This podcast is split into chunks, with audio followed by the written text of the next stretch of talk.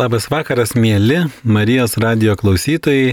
Šį vakarą susirinkę jie savo radio imtuvų ar galbūt kažkur keliaudami. Taigi susitinkame e, laidoje gyvybės medis.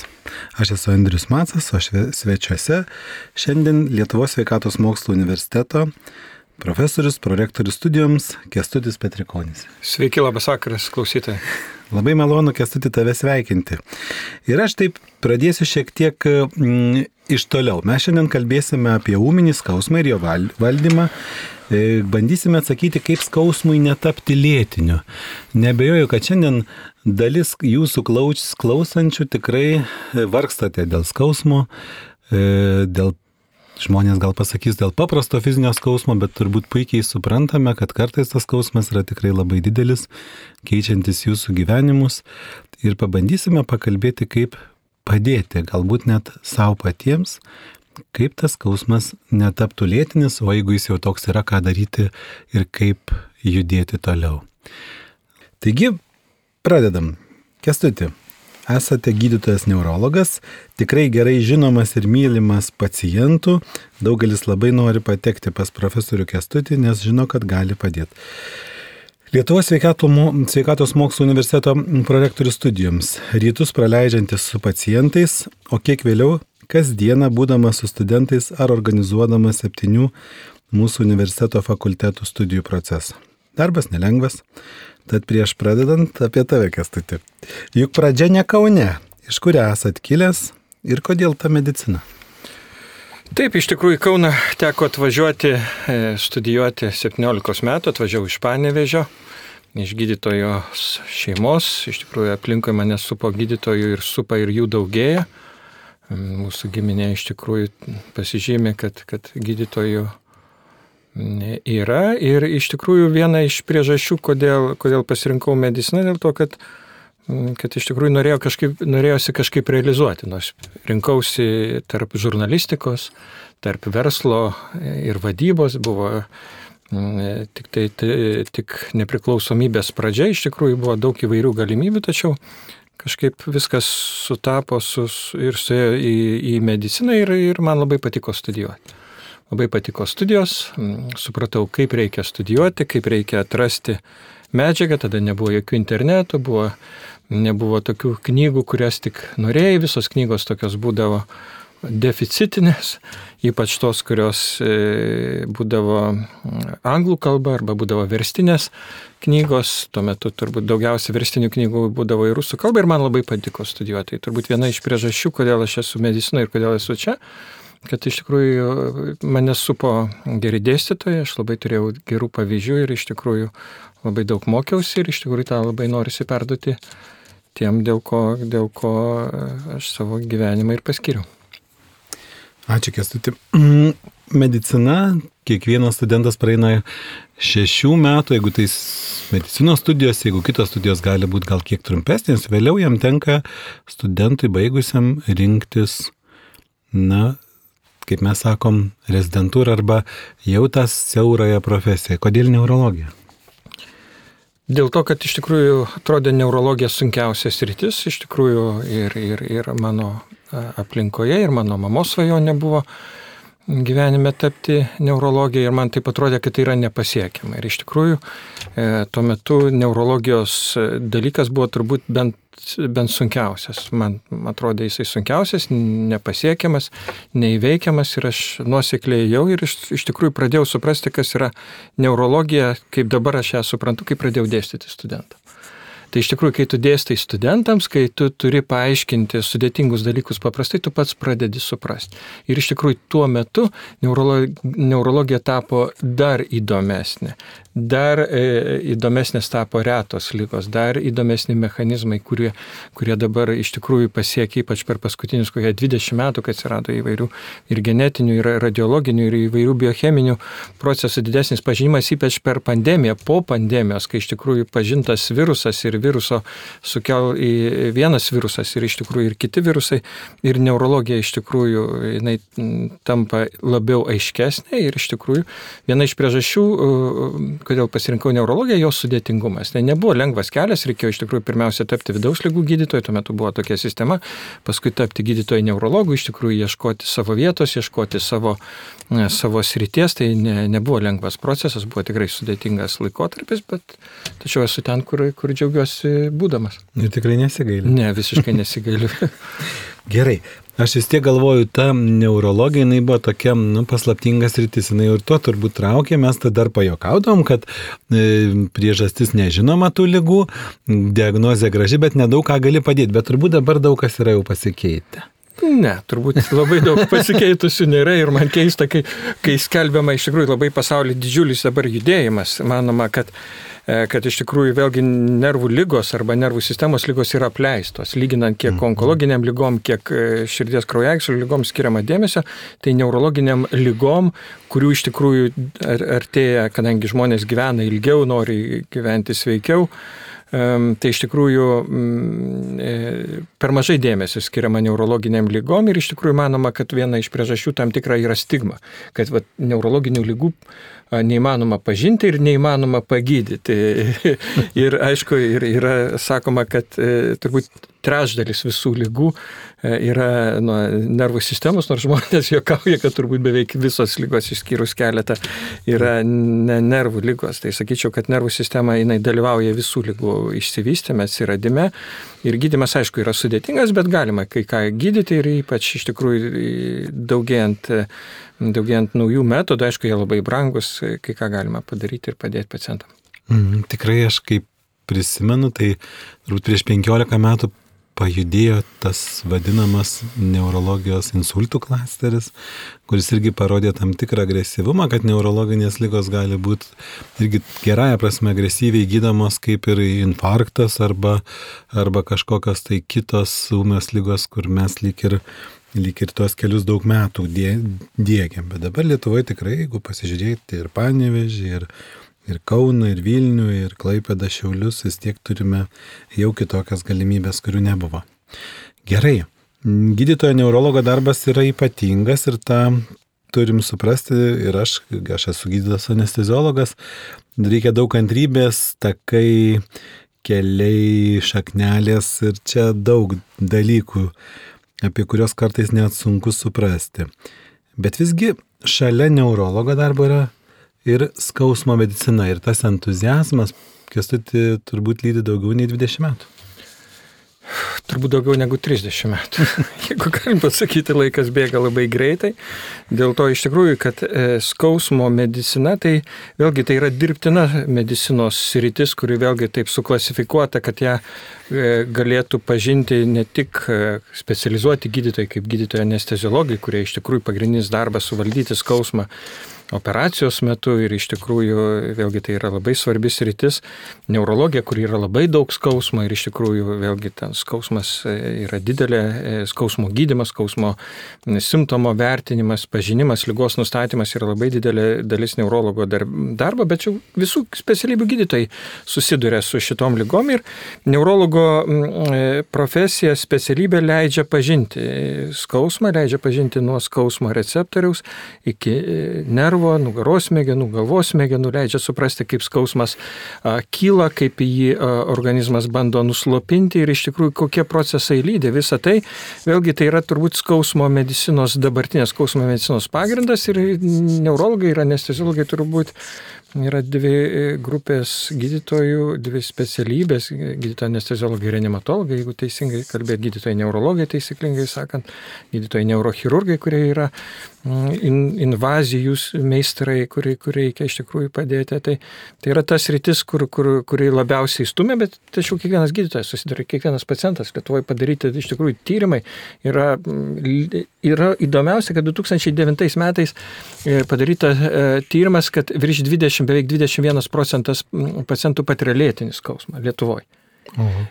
Ir 21 metais irgi padarytas Junktinių Amerikos valstijų e, tyrimas lygiai ten su dešimtosios skirtumu. Tai Lietuvoje tiek, kiek Junktinėse Amerikos valstijose yra e, patiriančių lėtinį skausmą. Jeigu grįžtant prie skausmo tematikos, tačiau 8,7, beveik 9 procentai turi iš tikrųjų sunkiai valdomą, sunkiai prižiūrimą lėtinį skausmą. Ir vėlgi tai yra problema, tai yra rykštė, kuri jaunesniems žmonėms mažiau suprantama, vyrų gal ten apie trečdalis, gal, gal šiek tiek daugiau negu trečdalis iki ten 35 metų ir iki 47, beveik 50 procentų patiria lėtinį skausmą, kuriem jau yra 70-75 ir, ir daugiau, o moteris plus dar 10 procentų. Tai reiškia moterų, kurios gyvena Lietuvoje ilgiau negu vyrai, virš 75 metų, tai daugiau apie 60 ir galbūt e, su amžium dar daugiau e, turi iš tikrųjų lėtinį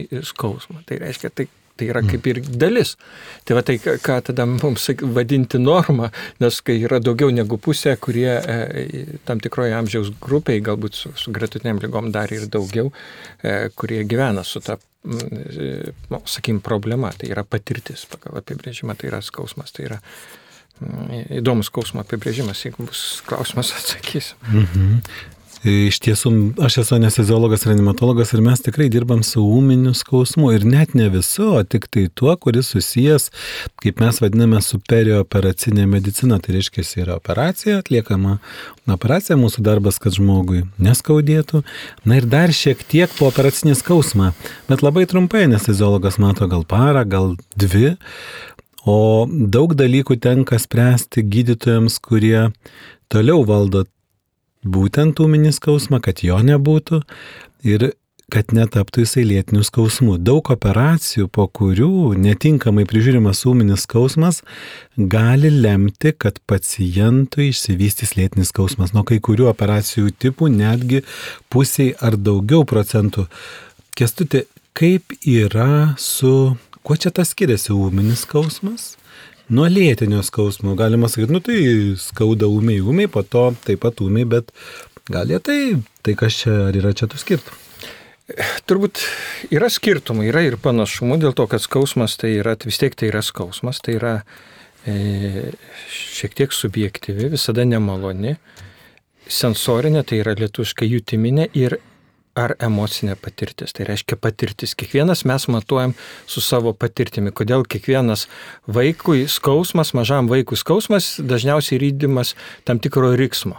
Dėl to, kad tai yra naujas, tai yra nuo 0 iki 10, 10 balų, dėl to, kad tai yra, taip, kai jau šiek tiek didesnis, gal jau jisai gali pradėti vertinti, kad galbūt tai ne 10, gal tai 8, aštuoneri balai, tai irgi yra skausmas, tai yra patirtis. Reiškia, mes matuojam su savo patirtim ir su, per gyvenimą tai tą patirtį kaupiam ir ta patirtis gali būti labai skausminga ir gali būti kaip tik mažai skausminga. Ir kuo mes turim patogesnę patirtį, be skausmo mes tarsi ir norim gyventi be skausmo. Ir kai nesusidurėm su tą patirtim, organizmas gali mums iškė, iškrėsti šposą. Jis gali pasakyti, dabar tau skauda 10 balų ir tada mums reikia stiprių vaistų dozės. Dėl to skausmas yra labai subjektyvus ir individualus. Iš tikrųjų, prie, prieš tris metus pakeisto skausmo apibrėžimo pridėti šeši punktai, kad tai yra visiškai e, individualus, e, individuali patirtis ir visada tas komponentas, kiek emocijos, kiek, kiek jutimo yra sudėtingas. Tai ūminis skausmas susijęs su lyga, su priežastimi, kuri, kuri iš tikrųjų sužaloja audinius, kuri iš tikrųjų sukelia tam tikrą skausmo, sakykime, pokytį arba tai nocicepcija tai yra skausmo plitimas, tai nėra tas pats, kas, kas e, skausmas, dėl to, kad organizmas turi įvairių ir skausmą sustiprinančių ir susilpninančių savybių. Tai, tai uminis skausmas paprastai mes sakom e, tęsiasi šešias savaitės iki trijų mėnesių. Leidžiama sugyti audiniams, tai ar trauma, ar, ar koks tai uždegimas, ar tai e, operacija ir jeigu viskas sugyjo, o skausmas liko, tai greičiausiai tai yra lėtinis skausmas. Aišku, dar gali rusenti būti ten tie tos pažaidos mechanizmai, tačiau lėtinis skausmas, kai iš tikrųjų jau nebėra pažaidos, o yra tik nervų sistemos reakcija. Gera žinutė, kad iš tikrųjų organizmas yra labai protingas, šitas kūrinys žmogaus ar kitas organizmas yra labai protingas, jis sugeba nugalėti skausmą. Ir tų, kurie mm, patiria netgi užsitęsusi po operacinį skausmą, jeigu tai pasižiūrėti, jų dalis mažėja. Tai ta gera žinutė, ypač tie, kas, kas iš tikrųjų, kad yra vilties, kad skausmas susilpnės, kad organizmas prisitaikys ir kad įvyks koks tai mm, procesas, kur, kur mes galėsim pasakyti, taip skausmas sumažėjo. Tai va tas procesas, kai lyga su pažaida e, e, lydimas skausmo, tai yra uminis skausmas, kai lyga arba pažaida praėjo, skausmas liko, tai jis jau lėtinis skausmas. Ir jau tada daugiausiai yra terminų klausimas. 3 mėnesiai, 6 mėnesiai. Moksliniuose tyrimuose mėgstama naudoti terminą 6 mėnesiai, dėl to, kad iš tikrųjų dėl tos skausmo tokio sav, savygydos organizmas sugeba susigydyti, mažėja. Bet va tada iškyla klausimas, ką daryti su lėtiniu skausmu. Čia kaip va, ta vadinama Mes juokaudom jauni būdami sportininkai, sakydom, paskutinės koinių sunešiojimo stadija, kai e, koinių nebėra, o kvapas yra. Tai, vat, tai lygos nėra, bet kvapas yra. Tai lėtinis skausmas tai yra tai, kas liko po. po ir po lygos, po sutrikimo ir kuris iš tikrųjų gali su, su vat, kaip, kaip sakiau, pagal procesą 7 procentai e, žmonių, kurie patiria skausmą, e, bendrai populiacijos 7 procentai, e, tai iš tikrųjų vargsta su skausmu, tai yra didžiulės problemos. Labai gerai. Atskyrėm, kas yra ūminis skausmas, tai yra pažaida, yra reakcija organizmo. Na, o lėtinis, kai mes turime užsitęsusi procesą, kartais sugyjusi audinį, priežasties lyg ir neturėtų būti, bet skausmas išlieka. Gerai, turime e, tokį tarpą klausimą. Klausytojas, e, čia iš tiesų profesorius turbūt atsakys, e, čia daug ką reikėtų ir pasižiūrėti, bet visgi klausytoja klausia, turiu stuburo ir kaklo stenozės, na, susiaurėjimus, e, eilėje laukiu operuoti klubo sanarį. E, vargina skausmai, e, vartoju vaistus nuo skausmo, tačiau klausia, galbūt tai yra pasiekmė lėtinės laimo lygos galimai, na, yra sunykęs sėdmenų raumenys. Ar tai gali būti raumenų lyga, o visai čia ne tas stuburas ir nervai.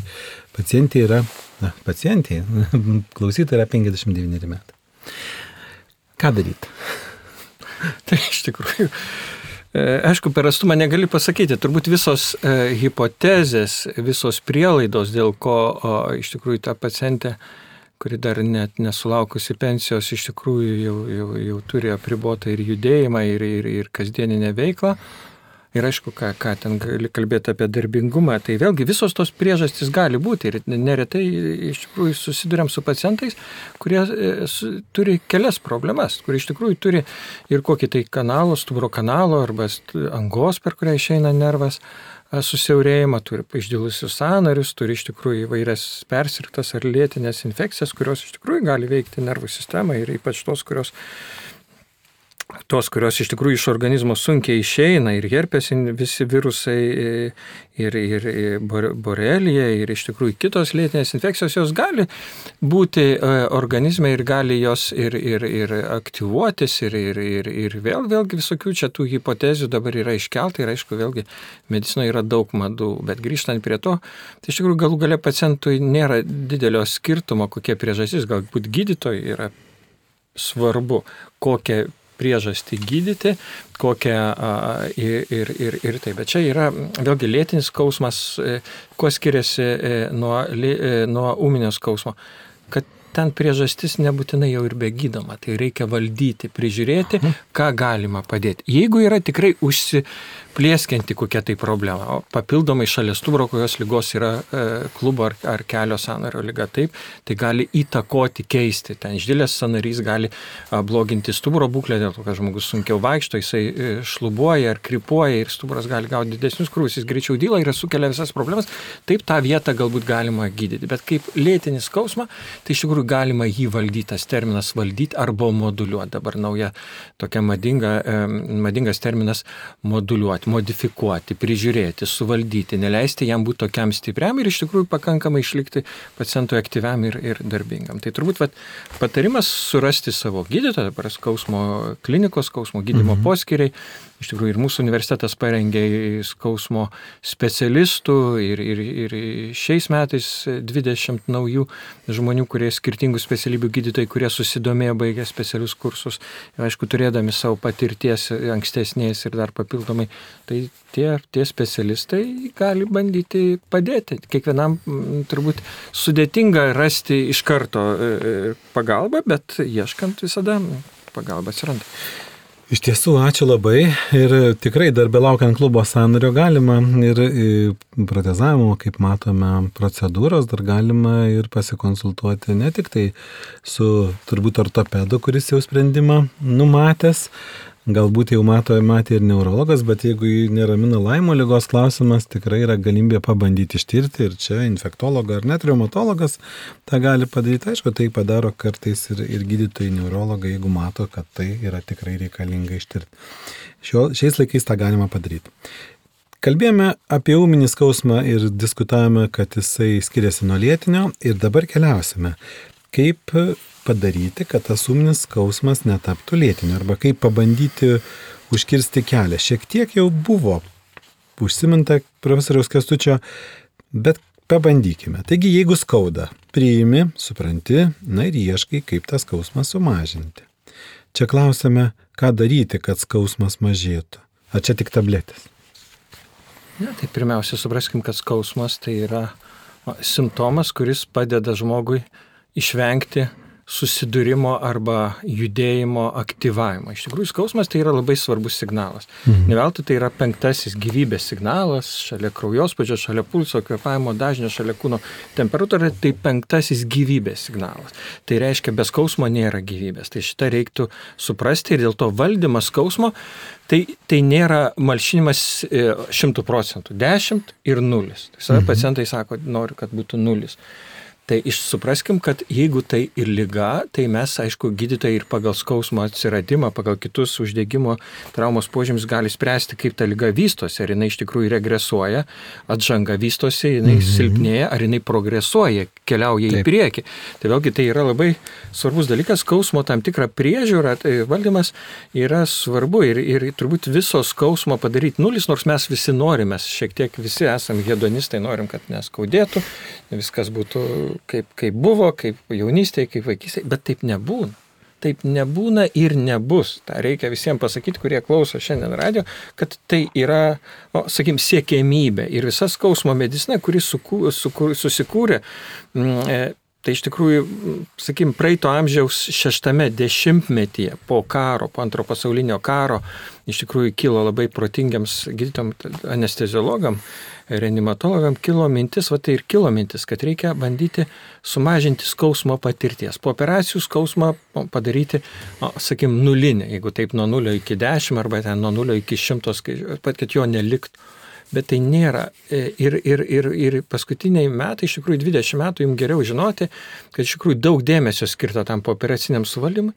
Bet vis tiek to lėtinio pooperacinio skausmo arba pooperuotų, arba po, po, po, jų beveik panašiai. Didelių pokyčių nėra. Ir dabar, sakoma, jau antri ar treti metai, kad ne, reikia keisti koncepciją. Reiškia, galbūt daliai pacientų taip, tai yra lėtinis skausmas, tai yra blogai valdyto ūminio skausmo pasiekmė, bet gal tai yra atsirandanti kita lyga, gal pacientas per ilgai gulėjo, gal jam atsirado kokios tai kontraktūros, sustingimai, mhm. galbūt e, patinimai, galbūt kažkaip e, e, įtraukti buvo nervai, kurie, kurie sukėlė kitą skausmą. Dėl to čia iš tikrųjų labai naujas, atsiranda naujas idėjos, dėl to, kad senos neparodė gero rezultato. Tai dėl to iš tikrųjų reikia visiems persikrauti, pabandyti grįžti, kaip mes sakom, prie, prie knygų, prie rašomo stalo ir tada vėl grįžti prie paciento, ar tikrai mes darom taip, kaip reikia, nes šimta procentų nėra gerai. Kai, kai yra valdomas, kai žmogus jaučia komfortą, tai vad skausmas padeda ir atrasti tą režimą judėjimo, kad ne per greit pradėtum judėti, kad ten mhm. žaizdos nesuplyštų, kad, ten, e, kad iš tikrųjų taip. Nes kai labai nuslopini uždegimą, tai vėlgi blogas gyjimas, tai gali būti visokios sitokinaudros, gali vėl naujai užsipliekti. Vėl visokių čia tų galėtų būti situacijų, Kada taip, bet principas, aišku, šventas darbas nuo Hipokrato laikų yra skausmo malšinimas, skausmo priežiūros, skausmo gydymas. Tai labai aiški mintis. Tabletės ne viskas. Mes dar kalbėsime, nuo kiek čia tų skausmą galima vertinti ir reikia vertinti. Ir ją vertinti labai įvairių skalių turime, labai paprastų, pavyzdžiui, nuo 0 iki 10. Tai kada čia tų tablečių reikės griebtis arba kiek toleruoti, nes gal reiks pabūti vyru, bet, žinot, sako pacientai, neprašiau vaistų, nes noriu būti vyras. Arba neprašykite vaistų, būkite vyrai. Nu, irgi yra kažkokia turi būti riba, bet apie ją šiek tiek vėliau, kiek čia tas tos tų balų pakentėti, o kiek jau nekentėti. Bet mes toj perioperaciniai medicinai po operacijų jau kokie dešimt metų, gal net penkiolika kalbam, kad visgi gulėjimas kaip malkai nėra gerai. Ir net įdomu, kad pradėjimas judėti skausmą mažina, bet lygiai atrodytų nelogiška, atrodo guli, tai turėtų mažiau skaudėti. Nors jau kestuti šiek tiek užsiminėt, kad čia toksai, toksai bandymas save po truputį pasakyti, bet kaip paaiškinti, kodėl kartais mes tikrai sakom, kad tik judėt ir mažiau skaudės. Taip, iš tikrųjų, čia turbūt suveikia tas e, e, Melzako ir Volo 7 praeito amžiaus dešimtmetyje ta paskelbta skausmo vartų teorija, kai iš tikrųjų neskausmo dirgikliai atėję į smegenis yra greitais, e, greit, greitom skaidom, greitais laidais plintantis į galvos smegenis, į gumbarą ir į smegenų žievę ir iš tikrųjų jie blokuoja skausmo jutimą. Tai iš tikrųjų bet koks neskausminis dirgiklis, dėl to užsigaunam, trinam, kai kada mhm. bandom judėti ir iš tikrųjų judėjimas prideda šokinėti, trinti kažkaip mhm. ir tai padeda. Tai iš tikrųjų viena iš turbūt priežasčių būtų šita. Aišku, yra ir kitos priežastys, ir endogeninė opiatinė tokia sistema, kur, kur žinom, ten endorfinai, enkefalinai ir visi kiti vaistai, dabar endokanabinoidinė sistema, ten, kur veikia kanapių kanabinoidai, mes kalbame apie tos, kurie iš tikrųjų veikia į skausmą, CBD ir ten CBG, CBN, ten vis, visi kiti, e, e, iš tikrųjų iš, iš e, kan, kanabinoidai, kurie veikia skausmą, jie turi iš tikrųjų savo atspindį smegenyse ir judėjimo metu tam tikro neskausmingo arba iki skausmo judėjimo metu, iš tikrųjų padeda organizmui adaptuotis, prisitaikyti, pagauti tą momentą, kai iš tikrųjų nereikia vaistų. Kai mhm. nereikia vaistų ir, o kartais iš tikrųjų mes stengiamės atrasti tą ribą sportininkai tą yra pajutę ir, ir, ir, ir vienas netgi video vieno žalgerio ar Lietuvos rinktinės krepšininko yra, nu, išgeriu Valtareno ir sportuoju, ir žaidžiu, ir tai, o ką jeigu neišgeri, tada tu blogai žaidėjai ir tada visi sako, o blogai žaidžia Lietuvos krepšininkai, dėl to jisai žaidžia e, Voltareno, tai yra diklofenako fone, jisai pastoviai žaidžia, dėl to, kad jisai, taip ir jo, aišku, sanariai greičiau dyla, dėl to, kad jisai neturi to gyvybės signalo. Mm, ir stuburas sudyla, ir raumenys patempiami. Tai vėlgi visada tas e, protingas e, momentas ir protingumas yra labai svarbu, kad iš tikrųjų judėti reikia. Ir, ir netgi rekomendacijos yra, pavyzdžiui, kaip tau sudėgia nugara. Tai jud, gulėti arba mažiau judėti tik tris dienas, o po to grįžti į, į kasdieninę veiklą ir stengtis adaptuotis, nes tai padeda pasveikti. Ir dar kas yra labai įdomu, iš tikrųjų vėlgi vienas toksai pavyzdys, kurį kartais aš mėgstu ir pacientam papasakoti, tokia šalis Omanas yra. Mm, taip. Toli nuo Lietuvos, taip. bet žmonės galvoja, kad, pavyzdžiui, nugarą skaudėti ar stuburą skausmą turėti, tai yra, nu, kaip ir, jeigu tu sunkiai dirbi, tai kaip ir, nu, kaip ir, taip, ir atsiranda iš Europos atvažiuoja įsikūrė skausmo klinika. Jau europiniai specialistai, kurie pripratę, kad žmonės biski skaudai darbą neina, jau jie jau gauna nedarbingumo lapelį, ir jeigu dar blogiau ir, ir iš tikrųjų ir tam tikrą neįgalumas šiuo metu e, e, vadinasi ne, nedarbingumas, ar e, dar nuo, nuo, nuo sausio mėnesio dar kitaip vadinasi. Tai veržiasi žmonės, per langą turi užsidaryti tą skausmo kliniką, nes sako, va, sako, mes gyvenom tiek tūkstančių metų ir mes neturėjom tokios medicinos ir buvo gerai, jau čia sako, gali padėti. Vėlgi tas požiūris mhm. irgi yra labai labai skirtingas ir kultūrinis, ir kartais ir, ir vis nacionalinis, netgi rasinis, skirtingų rasių žmonės ir skirtingai, ypač jeigu ne, ne, ne savo prigimties šalyje gyvena. Čia daug, daug yra įdomių dalykų ir vėlgi šiandien turbūt gal iki konkrečių dalykų, kas labiau įdomu klausyti. Gerai. E, visgi žmonės klausia, tai kas čia dar gali padėti? Nu, žinot, ar tikrai jau čia tas proškas gerti?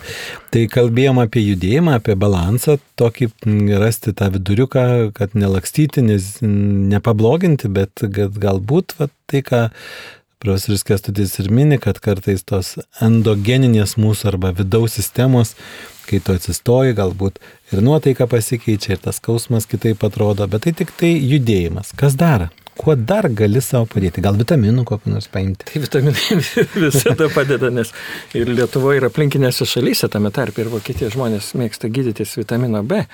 Taip. Ir vienu, ir B12, gal šiek tiek skausmui mažiau B6, bet va, šitie taip, taip padeda. Kartais iš tikrųjų ypač užsitęsusiam problemam, kai iš tikrųjų yra kokie tai sutrikimai, ypač kai sunkios lygos B grupės vitaminai gali padėti, bet vėlgi tai, kaip mes sakom, įrodymai skirtingų būklių atveju yra skirtingi, dėl to visada reikia ir didelė dalis tų stiprių vitaminų yra receptiniai, taip kad be, be gydytojų vaistinėse neįsigys.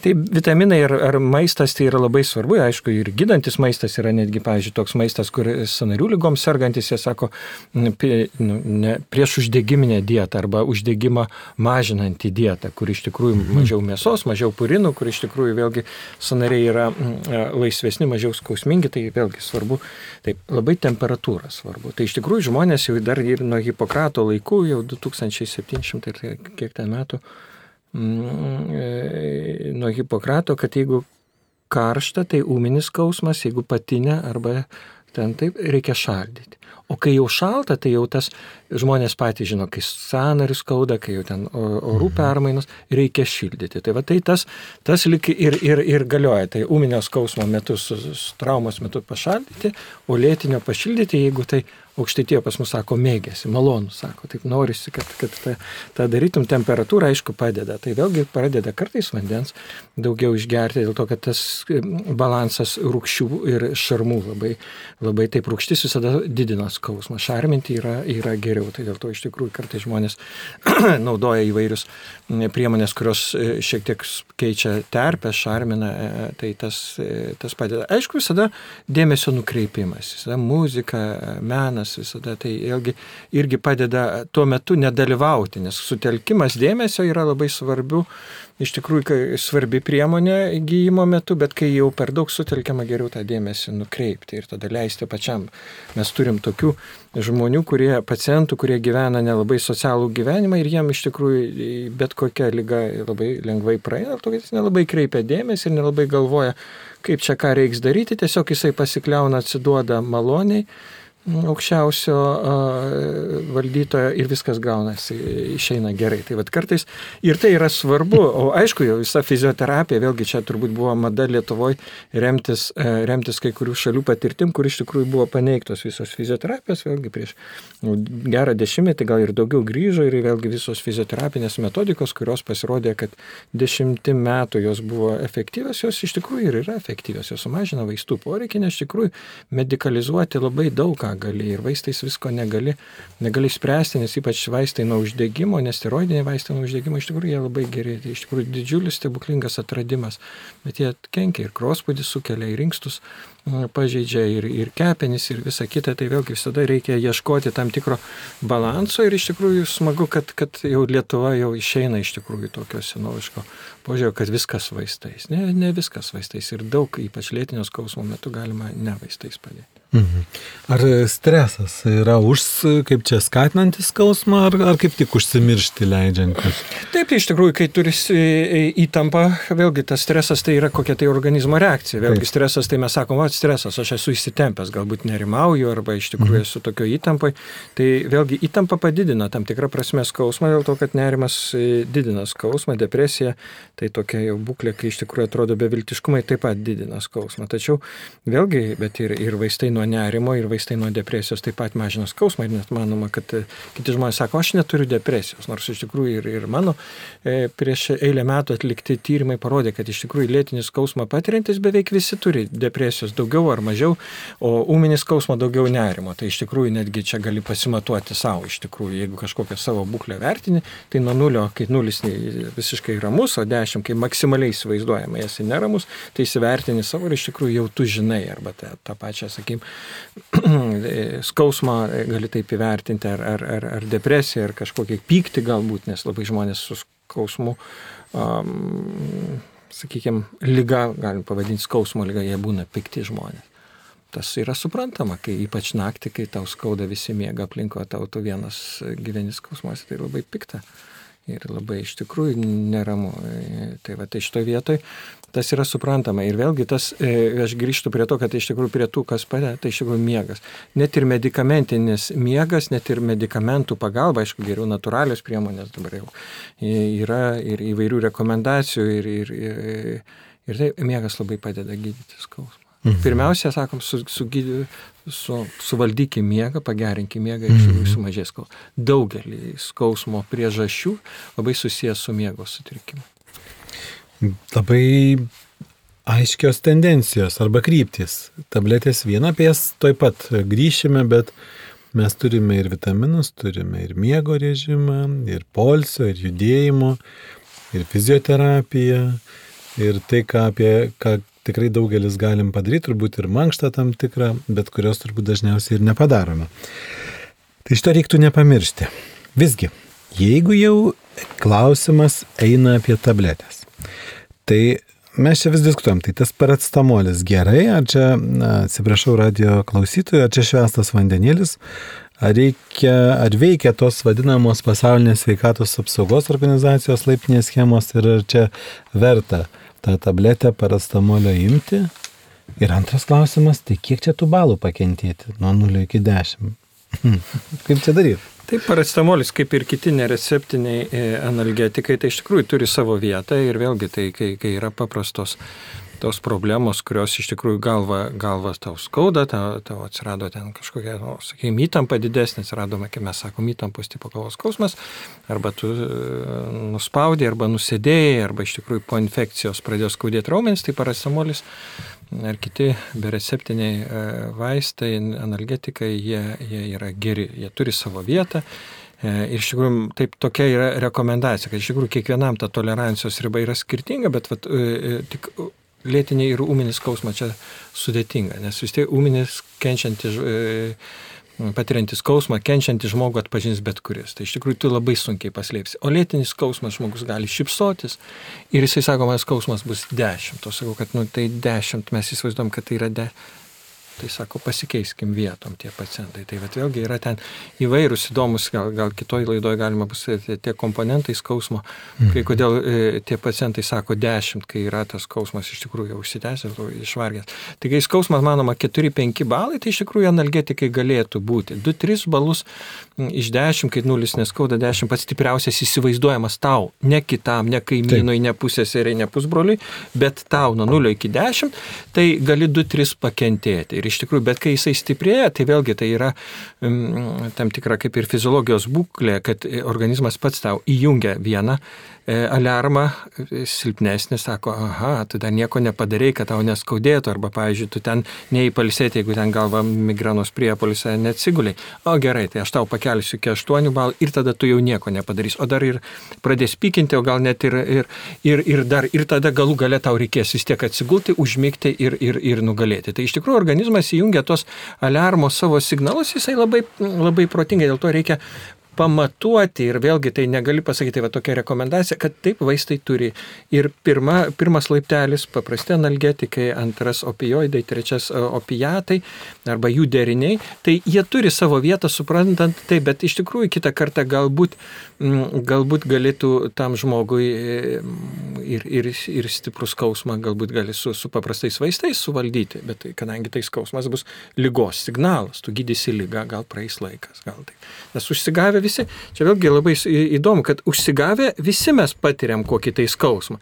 Bet antras skausmas, tas vadimas antri, antrinis skausmas arba mhm. sekantis skausmas, mes sakom, C skaidulų skausmas, jis ateina ne visiems. Mhm. Kiti taip ir nugali. Patrynė, patrynė, patrynė, o kitiem lieka ilgiau. Vėlgi tai jau, jau, jau signalas, kad organizmas pats jau nebesusitvarko. Bet klausimas, ką jis nori mums pasakyti? Ar tu venk kitą kartą, o gal tu kaip tik turėk patirties ir kitą kartą neįkišk piršto tarp, tarp durų, o, o galbūt nespardi kaidamas ten kažkokio kampo arba ten kažkaip kitai. Tai va čia visokių tokių dalykų yra, bet tai, tai visada reikia e, turėti e, savo suvokimą ir savo patirtį, kad skausmas iš tikrųjų vėlgi yra svarbus. Treniruojant, e, ruošiant gyvenimą, bet aišku, kai jau vyresnis žmogus, ką jau tu ten jau bet treniruosi reikia, jau tik tai tiek, kad kuo įmanoma būti judresniam, kuo įmanoma judresniam. Labai ačiū, Kestuti. Taigi e, visai nulio nesiekiam arba lyg ir norėtumėm, bet tabletės turbūt griepsimės ties ketvirtų balų, na gal trečiu, bet geriau antrą, trečią dar pakentėti, o na ir šiek tiek pajausti, ką organizmas sako. Iš tiesų labai svarbu. E, Didelio skausmo tikrai nereikia kentėti, reikia ieškoti to sprendimo, reikia, kad jisai praeitų. Ir šiandien Kestutė, paskutinis klausimas iš tiesų, ką palinkėti mūsų radio klausytojams, nes laida keliauja jau į visišką pabaigą, o mes tiek dar galėtumėm kalbėti apie migreną, kur turbūt atskiros net ne vienos laidos reikėtų.